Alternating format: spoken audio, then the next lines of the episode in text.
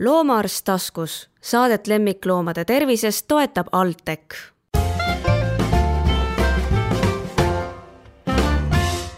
tere, kuulate järjekordset podcasti Loomaarst taskus. mina olen Tiina Toomet ja minu külaline seekord on kolleeg Pillerin Puskar, kes ei tegelegi koerte ja kassidega, vaid hoopis palju suuremate loomadega. tere, Pille! räägi kõigepealt natuke siis oma loomaarsti teest, kuidas see alguse sai tere, Tiina, tere kuulajad. jah, tõesti, et äh, loomaarsti tee sai alguse juba päris mitukümmend aastat tagasi. paraku tuleb tunnistada ja, ja ilmselt on mind mõjutanud ka see, et minu isa oli loomaarst ja lapsena isaga kaasas käies mingi aeg see sai nagu loomulikuks valikuks. et see oli see, mida ma kõige rohkem nagu teadsin oma ametivalikul ja, ja, ja siis sai mindud ka Väimelasse kooli ja hiljem siis Eesti Põllumajandusakadeemiasse. no meie õppimisaeg langes ähm, sellisesse ajajärku, et äh, et me õppisime ikkagi põhiliselt ainult suurlooma, mis minu jaoks oli suur õnnetus, sest mina tahtsin ravida koeri ja kasse ja pidin kõik pärast juurde õppima.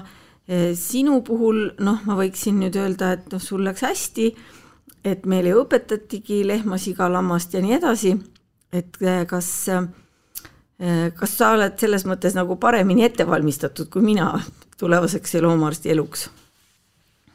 Äh, ma ütleks, et meil on läinud natukene nagu siis vastupidi või äh, vales osas oleme olnud mingi aeg mõlemad, et äh, ma õppisin jah, täiesti kindla veendumusega, et minust saab suurloomaarst, aga paraku peale Põllumajandusakadeemia lõpetamist sattusin ma hoopis äh, ravimifirmasse tööle ehk siis äh, veterinaarravimeid müüvasse ettevõttesse, nõustasin teisi loomaarste ja tõin siis äh, nii-öelda ravimeid maale. aga see aeg sai suht kiiresti läbi ja siis ma sattusin hoopis väikeloomaaarstiks. ja seda tänu meie ühisele tuttavale mm, Jamile Soomes, kelle juures ka mina siis olin natuke aega kliinikus praktikal ja, ja sattusin siis ka väikeloomakliinikust äh, tagasi Eestisse ja tegin oma esimese niisuguse väikeloomakliiniku Paides. seda ma isegi mäletan, ja, ja. et ma olin, sain käe valgeks väikeloomade alal ja samal ajal ma tegin ka suurlooma sealt kõrvalt, aga elu viis siis ikkagi tagasi suurte loomade juurde, mis mulle on alati rohkem meeldinud, kui aus olla. nüüd siis on sinu põhiline patsient lehm, nagu ma aru saan? jaa, minu põhiline patsient või ütleme ka eh, klient läbi lehma omaniku, aga, aga patsient on jah, või hoolealune ütleks, on äh, täna lehm. lehm on äärmiselt huvitav loom. ma püüan nüüd niimoodi vaimusilma ees ette kujutada, et kuidas siis tuleb loomaarsti juurde lehm, et ilmselt ei tule niimoodi nagu koer või kass omaniku rihma otsas või puuris, vaid ilmselt lähed sina lehma juurde ja millal sa lähed, miks sa lähed, mis, mis mured neid üldse vaevavad? see tegelikult, ma enam ei tea neid asju, ehkki ma olen ju kunagi õppinud. jah, see on tõesti, et kuigi, kuigi vanasti, vanad inimesed mäletavad, kui tuli omanik lehm ohelikuga järel mööda külateed loomaarsti juurde, noh, väga vanal ajal, mida isegi mina pole näinud. aga niimoodi nendest lugudest me teame. aga tänapäeval on ju, et et äh, meil on väga vähe lehmi, kes elavad nii-öelda tagaaias või, või majapidamises üks või kaks lehma, neid on vähe ja ütleme, nendel on ka väga vähe tervisehädasid, et võib-olla ta ei näe üldse oma eluaja jooksul looma. rohkem kui võib-olla on vaja teha niisuguseid riiklikud ette nähtud mingeid vereproove võtta. aga tänasel päeval ju lehm on, nii nagu ta on algselt olnud looduses, karjaloom. ehk nad elavad karjas ja meie läheme karja juurde siis, kui kas kutsutakse. Või tegelikult me käime lehmakarjas, et avastada nende nii-öelda mured või probleemid varakult, et ei peaks ravima, vaid see ennetamine on ülioluline, et olgu see siis kas sõralõikus, et tal oleks hea kõndida äh,, avastada need loomad, vaid kõik need menetlused on täna läinud niisuguseks ennetavaks, nii et me käime jah, ise oma patsientide juures. no ma mäletan kuigivõrd seda suurloomapraktikat, mida ma siis ikkagi tegin, kui ma ka EBA-s õppisin ja kaheksakümnendatel ja ja vist oligi, need jalamured olid väga suured tol hetkel, siis, siis olid ähm, muidugi udarahaigused, udarapõletikud, mida pidi ravima, siis oli sünnitusabi, ainevahetushaigused, kas nüüd selle kolmekümne aastaga on see kuidagi see fookus muutunud, noh, mulle isiklikult nagu tundub, et neid kõiki asju on vähem ja ilmselt ongi vähem tänu sellele, et see ennetustöö on nii hea, aga, aga kui sa nüüd siis teeksid väikse ülevaatuse, et, et mi-, missuguste probleemidega siis see lehm nii-öelda tänapäeva elus peab rinda pistma või sarvi pistma? Või sarvi murdma. Yeah.. kuigi vaata, tänapäeval enam ei ole ka neid äh, sarvilisi lehmi väga palju, et lehmadel võetakse ära, nudistatakse valutul meetodil äh, sarved vasikana, eks see on Nii. tuimestusega, see on, see on mitte ainult sellepärast, et nüüd see lehm äh, oleks siis tigedam, aga see on äh, lehmal on tegelikult karjas mugavam elada ilma sarvedeta ja selles farmihoones, sest sarvi oli tal ju vanasti vaja enda kaitsmiseks metsloomade eest, veislasel mm, -hmm. tänapäeval seda vajadust ei ole.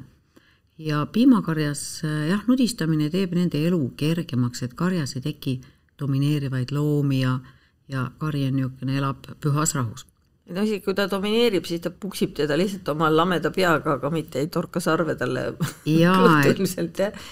õige, et see domineerimine ei ole mitte sarvede abil, vaid paraku alati igas karjas on dominantsed ja. loomad, karjajuhid, kes saavad oma karjajuhi positsiooni, äh, võiks öelda, oma elutarkuse, oskuse, jõu ja kõige selle kaudu, et nad kujunevad välja nii, nagu vanasti ka looduses, aga mitte enam sarvede, sarvi pole jah vaja aga sinu küsimuse juurde tagasi tulles et mis siis need probleemid on, ma saan aru, et sarvemurdusid enam nagu ei esine, eks ole, või sarvest, sarvest põhjustatud traumasid ilmselt ka mitte. et kui nüüd äh, aru saada sellest natukene tuua kuulajateni seda lehma tänapäevast elutsüklit üldse, et ähm, et millest siis lehmapäev koosneb. lehmi lüpstakse kaks kuni kolm korda päevas, ülejäänud on neil nii-öelda söömis- ja puhkamisaeg. ja lüpsil käik ja võtab aega kuskil tund aega. hommikul tund aega õhtul. ülejäänud aeg on lehmal nüüd puhkamiseks ja söömiseks. aga kas äh, lehmal on parem olla laudas või väljas? ikka tahaks ju, et ta kepsutaks seal karjamaal niimoodi rõõmsalt. jah, kindlasti mõni lehm tahaks kepsutada ja mõned ka kepsutavad, aga kui me võtame piimalehma siis piimaleht tunneb ennast tegelikult tänases laudas oluliselt paremini kui karjamaal, sest vaata, karjamaal on ju suvel on parmud ja päike ja palav, hea küll, sa saad minna võib-olla mõne puu alla varju, aga laudas tänapäeval, kujutage ette, laut, tänapäeval lehmi enam ketis ei peeta, igal lehmal on oma ase, tal on võimalik seda aset natukene ka valida. Ja lisaks sellele lehmadel kuni vesimadratsiteni ehk me räägime sellest asemest, kus ta lamab, seal on kas siis niisugune mõnus paks kummimatt, saepuru veel peal või on ka juba vesimadratseid. ta tunneb ennast seal ülihästi ja just oluline, et lehmi ei peeta ketis, inimesed peavad sellest aru saama, nagu vanasti näidati, et lehmad seisavad rea peal ja nad pead fikseeritud justkui kuhugile, see on nagu, mhm. see on ammu möödas. et lehmadel on suured grupid Nad on gruppides, kõnnivad, lähevad sööma, kui tahavad, jooma, kui tahavad, suvel, kui on palav, pannakse ventilaatorid käima ja need on ideaalsed tingimused eluks. et hästi tore on, et on mõnes laudas, et lauda otsast on uks lahti ja lehm saab minna karjamaale, kui ta tahab. teate, kui vähe ta läheb tegelikult sinna karjamaale, kui seal on päike ja parmud ja palav.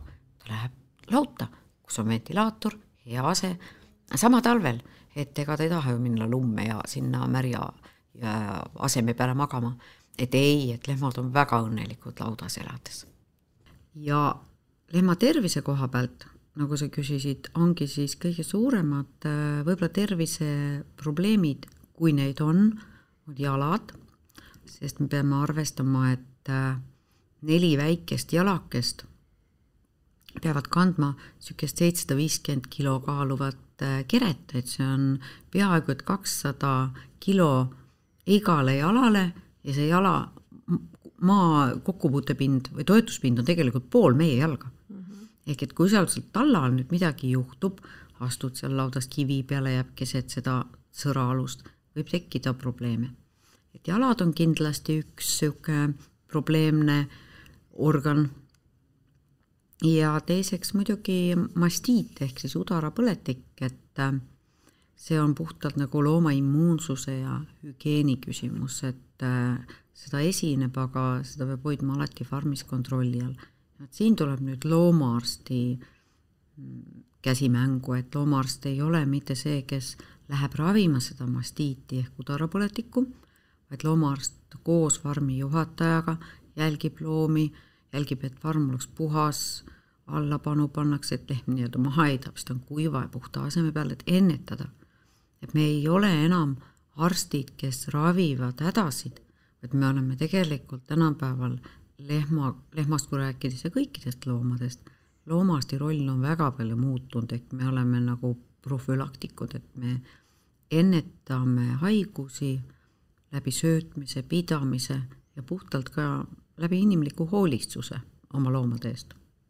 no mastiit oli ikka tol ajal nagu päris levinud ja ja antibiootikumid olid ju need, millega seda raviti. tänapäeval, kui räägitakse nii palju antibiootikumide ülekasutamisest, siis noh, eriti aktuaalne ongi see ju selles suurloomapraksises, sest noh, mis me siin salgame, ühel hetkel me ikkagi sööme selle looma ära või, või tarvitame tema, tema toodangut, piima.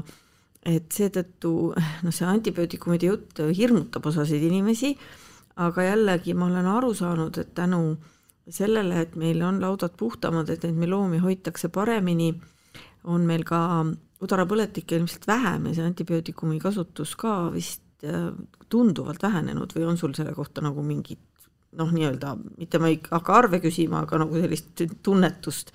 Mm. Et, et kas me peaks olema mures oma eestimaise toidu äh, pärast, et äh, kas sellesse satub antibiootikume, siis ma võin küll kinnitada, olles päris pikka aega olnud loomakasvatuses, et me ei peaks muretsema ja meie toit, mis meie lauale jõuab, on tõesti antibiootikumide vaba ja mitte ainult antibiootikumide, aga ütleme ka hormoone kasutatakse võrreldes ikkagi muu maailmaga oluliselt vähem ehk et eestimaine piim, liha ja ka munad on väga ohutud ja väga kvaliteetsed.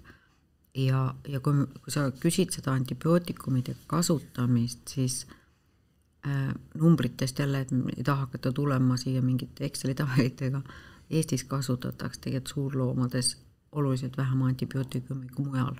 mujal maailmas? jah, ja seda just tänu sellele infrastruktuurile või, või tänapäevastele farmidele, et meie farmid on väga, väga korralikud ja, ja siia on pandud väga palju raha ja tähelepanu ja oskusi ja et loomapidamistingimused on väga head, me võime olla väga uhked, meie veisekasvatajad, selle üle, mis on tehtud Eestis. Et lehm ikkagi on puhtal kuival asemel, tema eest hoolitsetakse hästi ja alates vasikast peale, et looma tervis on kõige olulisem täna igale piimakarja omanikule. sest äh, kui on haige loom või kui on terviseprobleeme, siis on selge see, et selle looma toodang jääb ju realiseerimata, ehk et lehma omanikul, karja omanikul jääb raha saamata.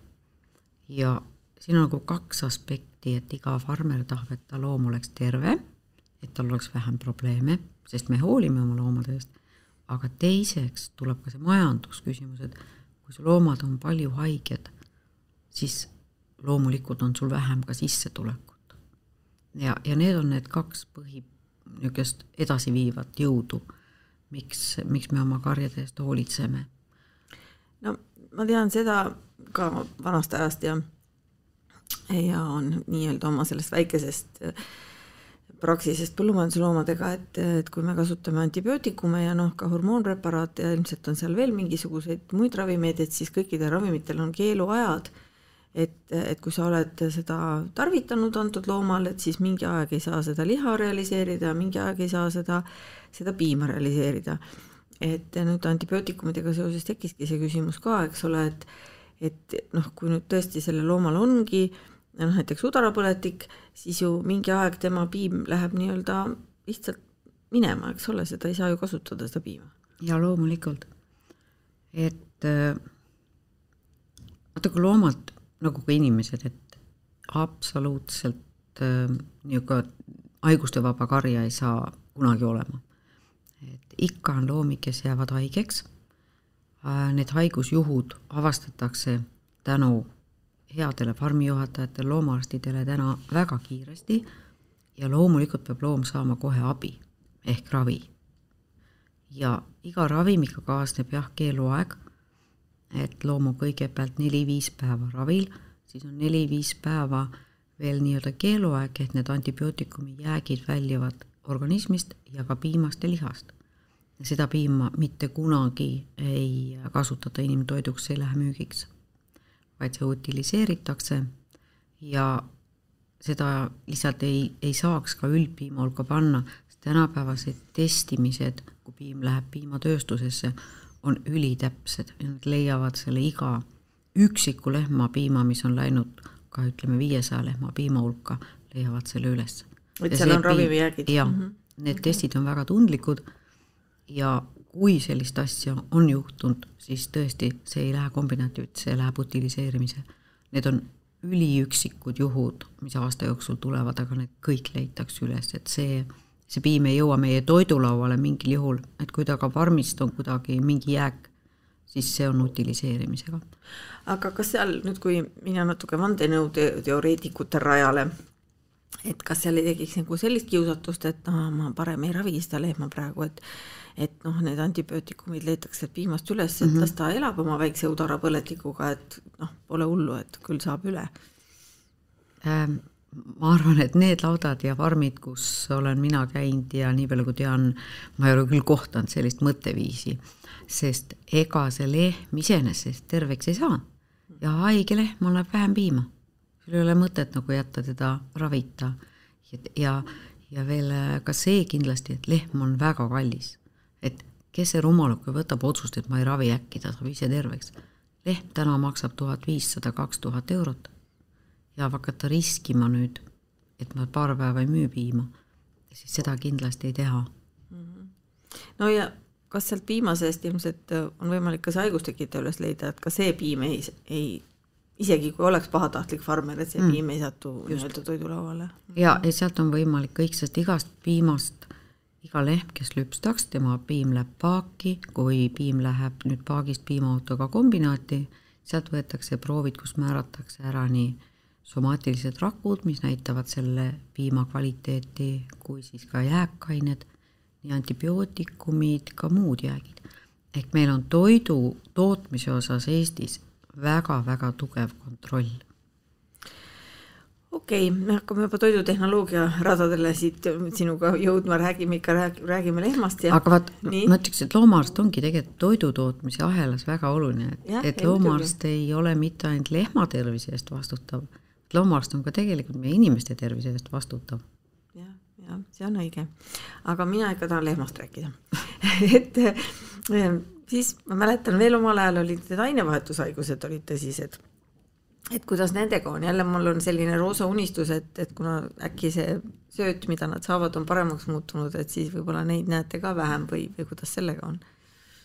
jah, et ähm, kui tänapäeval on väga populaarne, eks ju, toitumisspetsialisti kasutamine, inimesed kasutavad toitumisspetsialisti, et äh, saada siis oma toitumine paika, lehmade ja ka sigade, kõikide põllumajandusloomade puhul on ei öelda toitumine, vaid söötmine, kuna me söödame neid ja see on nagu täppisteadus tänapäeval.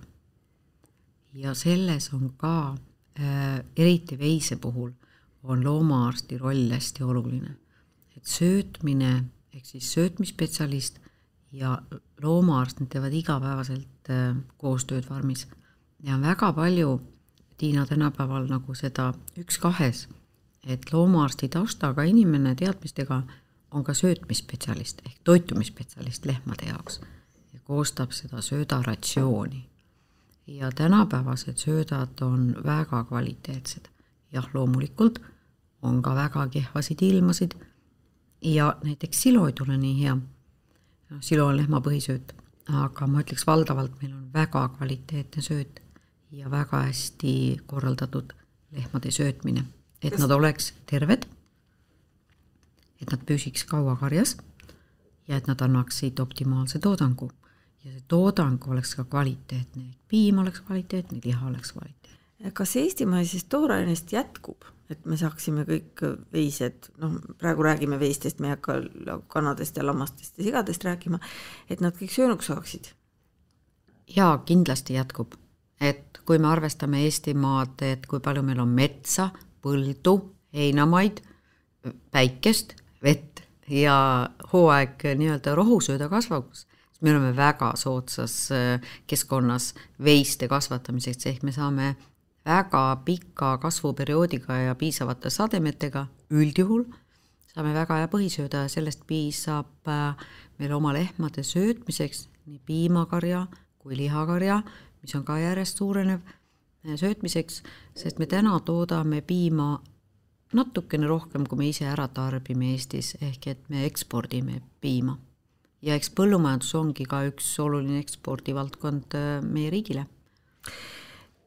sellist sõnaühendit kasutatakse nagu karjatervis. ilmselt nüüd suur osa sellest jutust, mida me sinuga rääkisime, see ongi, see hõlmabki seda, seda väljendit karjatervis, et nad elaksid nii-öelda nii mugavalt, kui me neile suudame selle elamise tagada, et nad sööksid kvaliteetset sööta, et loomaarst neid valvaks, mis seal veel on? ja see karja tervis on äh, nii-öelda üks niisugune nagu raport või kokkuvõte ja ka tegevuste loetelu, aga, aga see on loomaarsti töö, karja tervisega igapäevaselt tegeleda ja tagada, et see karja oleks terve. mis see tähendab ja et lehmal on hea ase, kus ta ennast tunneb hästi mugavalt, kuna lehm vähemalt kuusteist tundi kahekümne neljast tunnist lamab ja mäletseb, et tal oleks vett, et tal oleks süüa. Ja kogu see kara, karja tervis on tõesti siis loomaarsti äh, nii-öelda õlul, et loomad ei jääks terveks, aga loomaarst on täna ja nagu perearst meie inimeste jaoks, et äh, sa pead kõiki pereliikmeid tundma, sa pead kõiki haiguseid teadma ja sa pead ka nagu ennetavate meetmetega tegelema et täna ei ole, nagu ma ütlesin, hea loomaarst see, kes jookseb kaheksa tundi farmis ringi süstal käes ja süstib võimalikult palju loomi. mäletan, vanasti kunagi oli see, et olid laudas vihikud, et kui palju on päevas ravitud loomi, sest tänapäeval on see tegelikult vastupidi. mida vähem sa ravid, seda parem loomaarst sa oled, sest sa oled ennetanud haigusi ja loomad on terved. aga keisrilõiked ikka tehakse? jaa, loomulikult tehakse, need on niisugused ähm, loomaarsti jaoks mina ei ole küll ammu ise keisrilõiket teinud enam, aga keisrilõike tegemine on äh, täpselt samasugune niisugune, kuidas öelda, püha üritus nagu ka inimlapse ilmaletulek keisrilõikega, et, et kus sa saad selle äh, elus vasika kätte ja ema mm -hmm. lehm mm -hmm. ka ennast hästi tunneb, et need on niisugused väga ülevad momendid. nii et see ei ole enam selline noh, mulle noh, ilmselt olid ka ju põllumajanduses jube rasked ajad ja ja no vahepeal jäi selline tunne, et, et noh, ah, see nii-öelda ei tasu ennast ära, et tänapäeval ma saan aru, et see nii see emalehm kui see vasikas on nii väärtuslikud nii rahalises kui emotsionaalses mõttes, et et, et ikkagi, kui on võimalik, siis võetakse see operatsioon ette ja, ja meil on ka piisavalt loomaarste, kes seda teha oskavad, eks ole ju. jaa, kindlasti, et ükski loom ei jää abita ja ükski äh, sündiv vasikas ei jää ilmale tulemata, seepärast et meil ei ole oskuslikku loomaarsti, kes seda keisrilõiget teeks. ei tee kindlasti kõik, aga alati on piirkonnas keegi, kes seda võib teha, mina ütlen, mina isiklikult ei tee, kuna ma olen tänapäeval rohkem nüüd suundunud ja, ja spetsialiseerunud loomade söötmise ja söötmise kaudu looma tervishoiu eest. aga nii-öelda kirurge on meil küll, kes teevad äh, nii keisrilõiget, kui ka üks selline haigus nagu libediku paigalt nihkumine, tervisehäire mm, -hmm. et suuremad operatsioonid, tuleb ette ka sõra amputeerimisi, näiteks kui on seal vaja, et loomaarstid on tänapäeval väga pädevad ja kõik loomad saavad tõesti abi.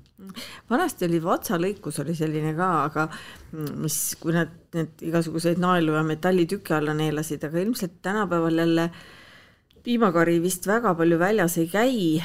tead, see tänapäeval on seda nii-öelda naela sealt vatsast ehk et lehm sööb sisse koos äh, rohuga, heinaga mingisuguse metallist võõrkeha, mis siis torkub vatsaseina, on väga vähe mm. -hmm. sest jällegi, et söötmise juures on söödamikserid ehk see silo ja hein ja ahu käib läbi masina ja kui ta lehma ette maha laaditakse sellest masinast, siis seal on küljes magnetid ehk see magnet korjab kõik need võõrkehad ära okay. et tänapäeva tehnoloogia on nagu väga-väga palju suunatud loomatervisele ja nendele probleemidele, riskidele, mis söödaga võib tekkida, et see teeb loomaarsti elu kergemaks. mul on pigem magnetiga masin, kui et ma lõikaks seda yeah. looma. no kui me rääkisime juba eh, emalehma, emalehmast ja vasikast, et siis natuke vasikatest ka jälle mingitest vanadest aegadest, mina oma praktikaajast mäletan seda, et et osad vasikad olid noh, kuidagi nagu juba surmale määratud või noh, selline nagu paha tunne oli, et ta oli nõrgukene ja siis mulle tundus, et juba farmis, noh, osades farmides nagu löödi käega, noh, mul on lihtsalt endal üks selline kogemus, et seal oli üks väike pullvasikas, kes oli nõrk ja, ja tal oli kõht õudselt lahti ja, ja talitajad olid sel hetkel umbes sellised, et ah, tast ei saa niikuinii asja ja siis ma läksin koju, ütlesin emale, et kuule, et sina ravisid meie kõhulahtisust alati riisitummiga, et huvitav, kas vasikat ka saaks riisitummiga ravida. ja siis mu ema keetis iga hommik riisitummi, andis mulle auto, et ma saaksin selle sooja riisitummiga sõita. see oli Tallinna lähedal üks farm ja siis ma söötsin seda vasikat riisitummiga ja vasikas sai terveks, temast kasvas suur pull, et noh, et see oli nagu selline tead, praktikandi selline noh, hale mäng. et, et noh, ikkagi paljud neist, paljud neist ikkagi jäid minu meelest natuke hooletusse. jälle nagu tahaks hästi loota, et äkki tänapäeval on teisiti. ja et äh, iga elu algus saab, eks ju, või iga elu saab alguse emast ja kui me mõtleme nagu vasika elu algust, siis see saab jällegi sellest lehmast. ja, ja lehm on tiine, kannab oma loodet ka üheksa kuud. ja hästi oluline on, et see loom saaks hästi süüa, oleks terve, sel ajal, kui ta on tiine ehk kannab oma vasikat. ja kui me selle lehma eest hästi hoolitseme, siis on ka vasikad terved. kui see vasikas sünnib ilma tervena, siis tema haigestumise risk on väga väike. seal on nagu hästi palju niisuguseid aspekte, et äh, näiteks äh, inimeselt läheb lapsele immuunsus edasi, emalt lapsele, aga lehma puhul tema lootekestad ehk platsenta ei võimalda immuunsuse ülekandumist, vastupanuvõime ülekandumist nendele haigustele, mis võivad olla farmis vasikale, aga vasikale peab andma hästi kiiresti peale sündi seda esimest piima emalt, mis siis annab talle need kaitsekehad edasi. ja tänapäeval on selle jaoks väga ranged reeglid sünnitusosakonnas ehk poegimisosakonnas, et äh, need poegimisosakonnad on puhtad, selle piim lüpstaks kohe, joodetakse kohe vasikad ja tänu sellele tegelikult äh, vasikate haigestumisi on oluliselt vähem nendesse haigustesse. Jah, küll aga on võib-olla tänasel päeval rohkem viirushaigusi nagu ka inimestel. ja selle vastu on ka muidugi meetmed ja, ja loomi vaktsineeritakse. ehk me teeme teste tänapäevaselt väga palju ja määrame ära, mis viirushaigusi on farmis ja vajadusel loomi vaktsineeritakse. jah, see on küll väga tähtis, sest et kui tõesti see vasikas sündis kuskil Äh, Metsakülas Memmekese laudas ja oligi ainus vasikas, et siis ah, meil on olemas üks Metsaküla farm, kui keegi kuulajatest kuuleb, et Metsaküla on ühe farmi nimi, kus on väga toredad ja tublid farmiomanikud ei, ma mõtlesin lihtsalt nagu, nagu laias laastus, et kusagil metsas teistega kokku ei puutu, et siis võib-olla see vaktsineerimine ei olnud sel hetkel noh, nii aktuaalne, aga mida suurem kontsentratsioon loomi koos on, seda tähtsam ilmselt ongi see, et nad oleksid kõik vaktsineeritud, sest jah, seda ma mäletan ka oma nendest ähm, noorusaegadest, kui ma laboris töötasin ja, ja meile toodi siis uuringuteks äh, noh, ka neid äh, surnud äh, vasikaid, et, et noh, meie oli bakterioloogia labor, meie saime sealt mingi bakteri kätte, aga tegelikult kõik teadsid, et see algpõhjus on viirus pluss noh, kas halvad tingimused sekundaarne nakkusbakter ja, ja, bakter ei olnud mm -hmm. üldse nagu tähtis sel hetkel, tähtsam oleks olnud võidelda viirushaigustega või külmaga või anda nagu paremat sööta nendele loomadele. nii et, et noh, et selles mõttes oli see ka selline noh, me leidsime küll sealt selliseid baktereid, et oi-oi-oi, et peaks nüüd antibiootikumidega ravima, aga tegelikult ei oleks vaja meil olnud neid antibiootikume, kui oleks teinud selle nagu esimese otsa korda, noh see, millest me praegu oleme siin kõik sinuga rääkinud, selle karja tervise, eks ole ju. -hmm. et loomade pidamise head tavad on need, mis äh, aitavad vähendada kõiki kulusid farmeri jaoks ja, ja neid kõik jälgivad, et äh, avatud talude päevad on olnud kindlasti kõigile hästi niisugused äh, toredaks ürituseks ja inimesed, kes on käinud avatud talude päevadel, kindlasti teavad, et äh, meie farmid on nagu väga-väga hea, heal tasemel ja loomad on õnnelike nägudega ja enamus juhtudel ka need farmi omanikud, kuigi rasked ajad on ka praegu põllumajanduses, et äh, toidutootjal on väga keeruline, et väga väärtuslikku piima ja liha tootes, siis see peaks maksma poes rohkem, aga see on niisugune teine teema, mida me täna ei puuduta. jah, aga noh, selles mõttes ma muidugi tahaks puudutada, et et, et kui me suudaksime niimoodi mõelda ikkagi nagu ühiskonnana, et eestimaine toit ongi kallim, noh, ilmselt ongi kallim e,.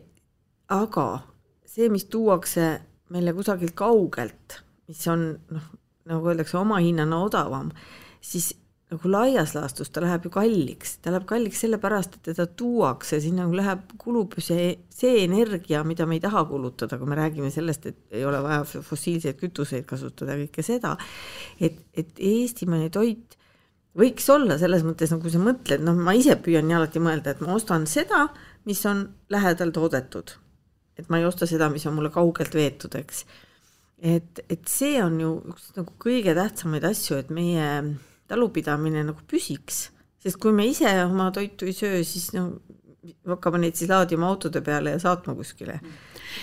jah, et ma praegu just mõtlesin seda, et äh, kui rääkida nüüd toiduainetest, mis meil tulevad meie farmidest, äh, siis on äh, tõesti, et see kohalik toit on alati jälgitavam, keskkonnasäästlikum, mis on täna eriti oluline, järjest rohkem me sellest räägime, et kui ma ostan kilo mingi mingi ütleme, kas või veisefileed või ma ostan tüki juustu, mis on tulnud siit saja kilomeetri kauguselt, kogu see ahel.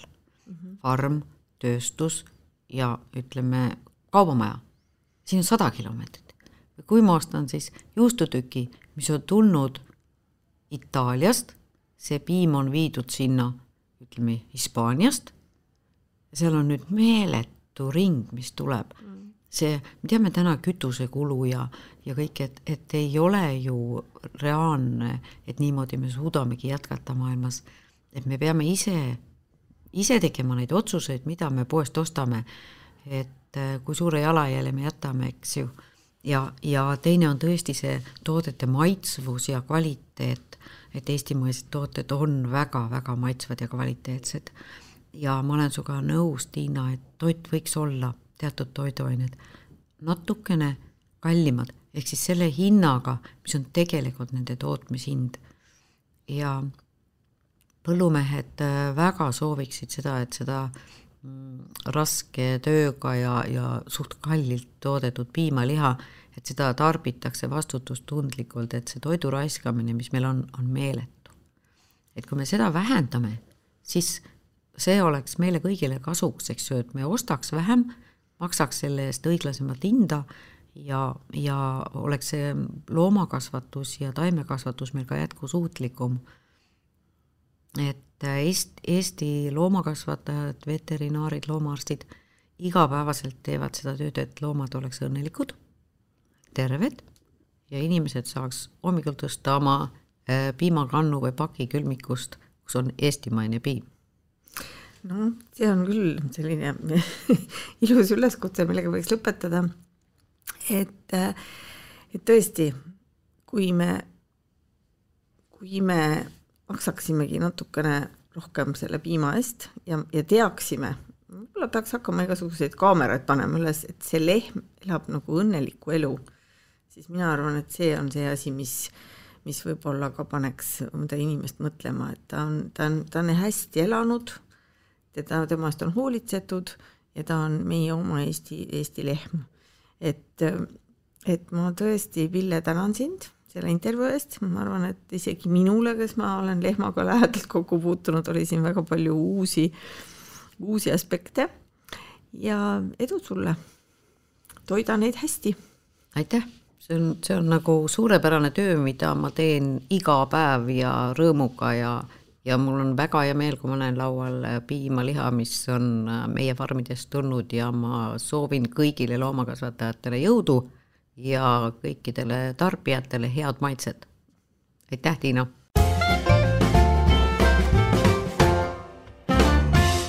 loomaarst taskus, saadet lemmikloomade tervisest toetab Alltech